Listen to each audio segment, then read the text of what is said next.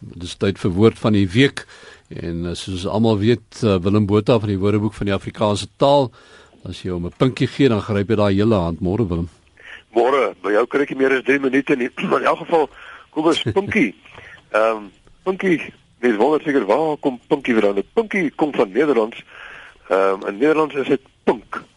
En dit laat mense nou weer wonder of dit verband hou met ek pink 'n traan en dit hou beslis verband met ek pink 'n traan wat ons pink die werkwoord kom uit die Nederlands ook pinken.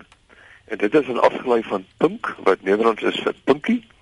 En ons sê jy pink 'n traan weg omdat jy probeer om die opwellende traan ongemerk weg te vee en jy doen dit probeer dit ongemerk doen met die kant van jou hand met jou kleinste vinger met jou pinkie. En as jy as jy pink die traan weg. Eintlik pinkie hierdie traan weg Maar kom ons ek wil voor ons aangaan net vanmôre die geleentheid gebruik om die Het Jan Maree Nasionale Fonds geluk te wens. Hulle vier hierdie naweek hulle 100ste bestaanjaar en hulle lewer 'n baie groot bydrae ter ondersteuning vir Afrikaans. So baie geluk aan Het Jan Maree.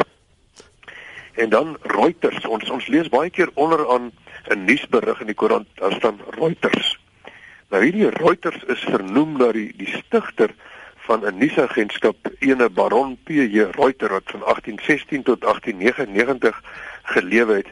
En hy is gebore in Duitsland as Israel Beer Josefat. Met ander woorde hy was van Duitse afkoms en hy het 'n nuusagentskap begin met duwe. Die tekste in die duwe vasgemaak en dan het die duwe nou die nuus versprei. Toe het hy hom in Engeland gevestig en daar het hy 'n uh, internasionale nuusdiens opgebou wat dan nou vandag bekend staan as Reuters.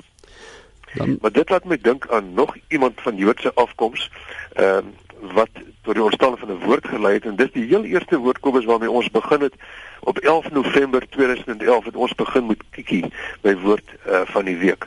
En Kiki is 'n woord wat eers baie gewild was en toe amper heel onbekend geraak word en ek sien deesdae ek hoor ek uh, mense gebruik weer Kiki.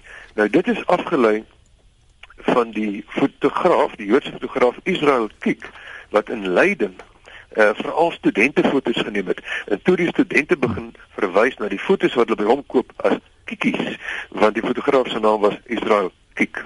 Nou waarom net daar moet ek jou tot halfbroed roep vanoggend dit was die 3 minute waarna jy verwys het en uh, dit was Willem Botha van die Woordeboek van die Afrikaanse taal.